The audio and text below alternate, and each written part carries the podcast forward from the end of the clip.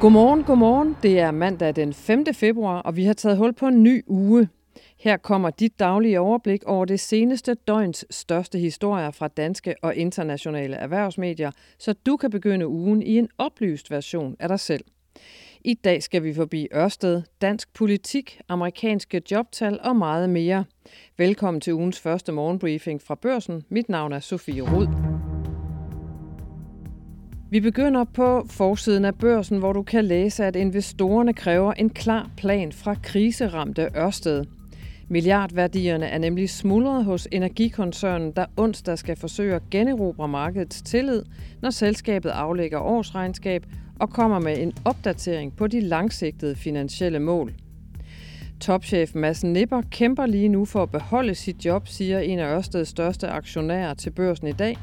Og Jakob Pedersen, som er aktieanalysechef i Sydbank, siger, alle dirrer nærmest af spænding. Vi ved jo ikke, hvad det er for et Ørsted, vi kigger på fra på onsdag og fremad, siger han. Og denne uge bliver helt overordnet en af årets største regnskabsuger, når en lang stribe af Danmarks største børsnoterede selskaber fortæller omverdenen, hvad de forventer af 2024. Det gælder også for Vestas, som rider på en bølge af succes. Du kan følge med i det hele hos Børsen og i Morgenbriefing senere på ugen. Det politiske arbejde internt i regeringen går for træt, skriver børsen i dag i en perspektivartikel.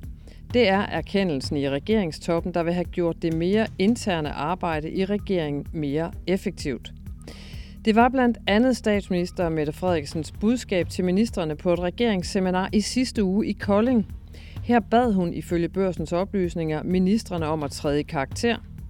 Også udenrigsminister Lars Løkke Rasmussen har været træt af træheden og ambitionsniveauet i regeringen det seneste år. På et internt møde i Finansministeriet i Finansministeriet i begyndelsen af december, kom det så langt ud, at han ifølge børsens oplysninger såede tvivl om hele regeringens eksistens. Du kan læse om det på børsens hjemmeside i dag. Jyllandsposten Finans skriver, at en tidligere hollandsk landsholdsspiller ifølge en domsudskrift fra Rotterdam har smuglet kokain med hjælp fra en ansat i Mærsks tyske rederi.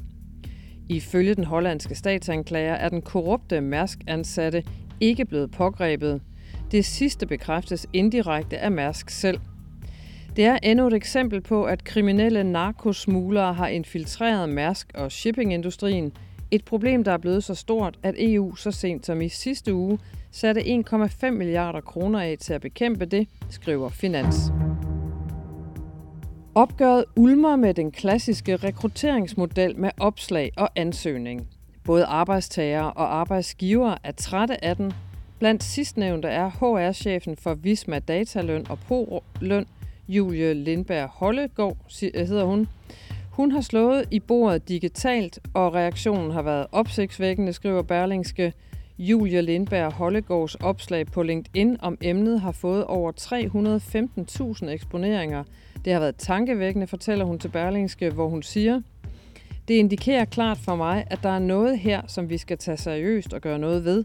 Størstedelen af reaktionerne har været medarbejdere, hiring managers og HR-folk, der nikker genkendende til det paradoks, det, der er i, at vi som virksomheder fortsat insisterer på en ansøgning som adgangsbillet, og at virksomhederne måske ikke engang læser ansøgningen. Til udlandet. USA er ikke færdig med at angribe Iran-venlige militser, der kommer flere angreb mod Houthier og andre grupperinger i Mellemøsten, der er støttet af Iran. Det sagde USA's nationale sikkerhedsrådgiver Jake Sullivan til tv-stationen NBC News søndag ifølge Financial Times. USA har i de seneste døgn rettet angreb mod mål i Syrien, Irak og Yemen, efter at tre amerikanske soldater i weekenden inden blev dræbt på en øh, amerikansk base i Jordan. Iransk støttede militante stod bag det angreb. Det fik USA til fredag at foretage luftangreb mod Irak og Syrien. Men søndag lovede Jack Sullivan altså, at USA ikke er færdige. Han sagde, det der skete fredag var begyndelsen, ikke slutningen på vores modsvar.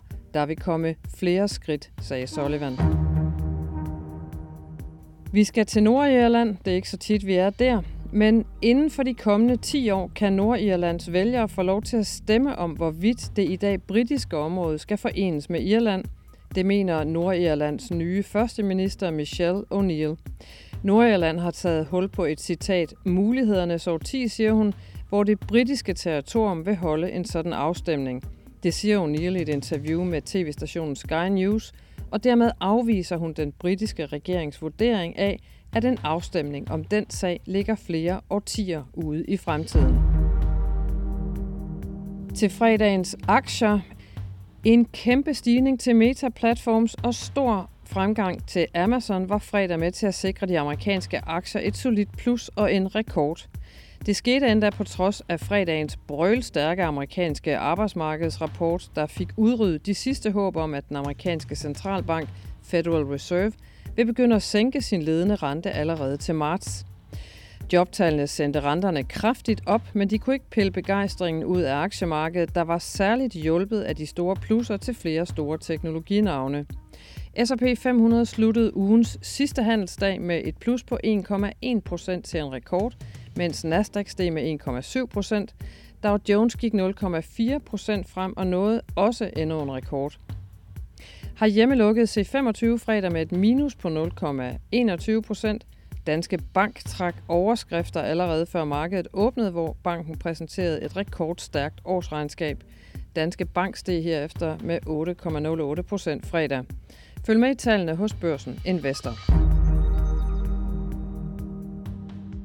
Vi skal tilbage til det såkaldte kongetal inden for amerikansk økonomi, nemlig tallet for, hvor mange nye jobs, der bliver skabt i USA hver måned. Og det slog alle forventninger fredag, som jeg lige nævnte, da det blev klart, at der i januar måned i USA blev skabt 353.000 nye jobs.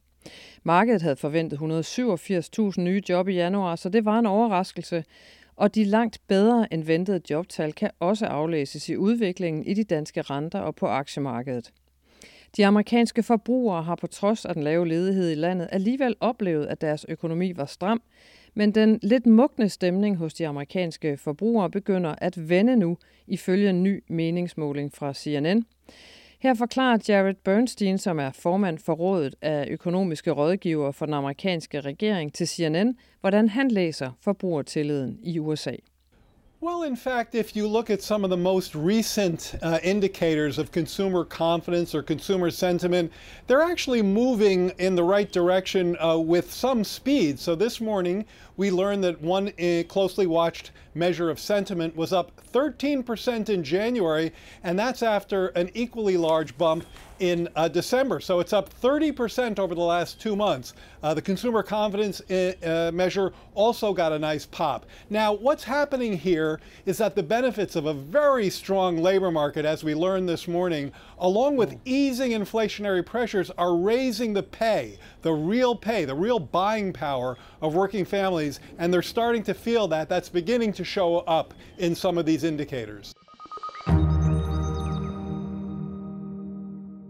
En ny uge er skudt i gang, og nu er du klædt på, hvad angår nyheder her til morgen. Vi er tilbage med mere morgenbriefing i morgen tidlig, og indtil vi høres ved, så håber jeg bare, at du får en dejlig mandag.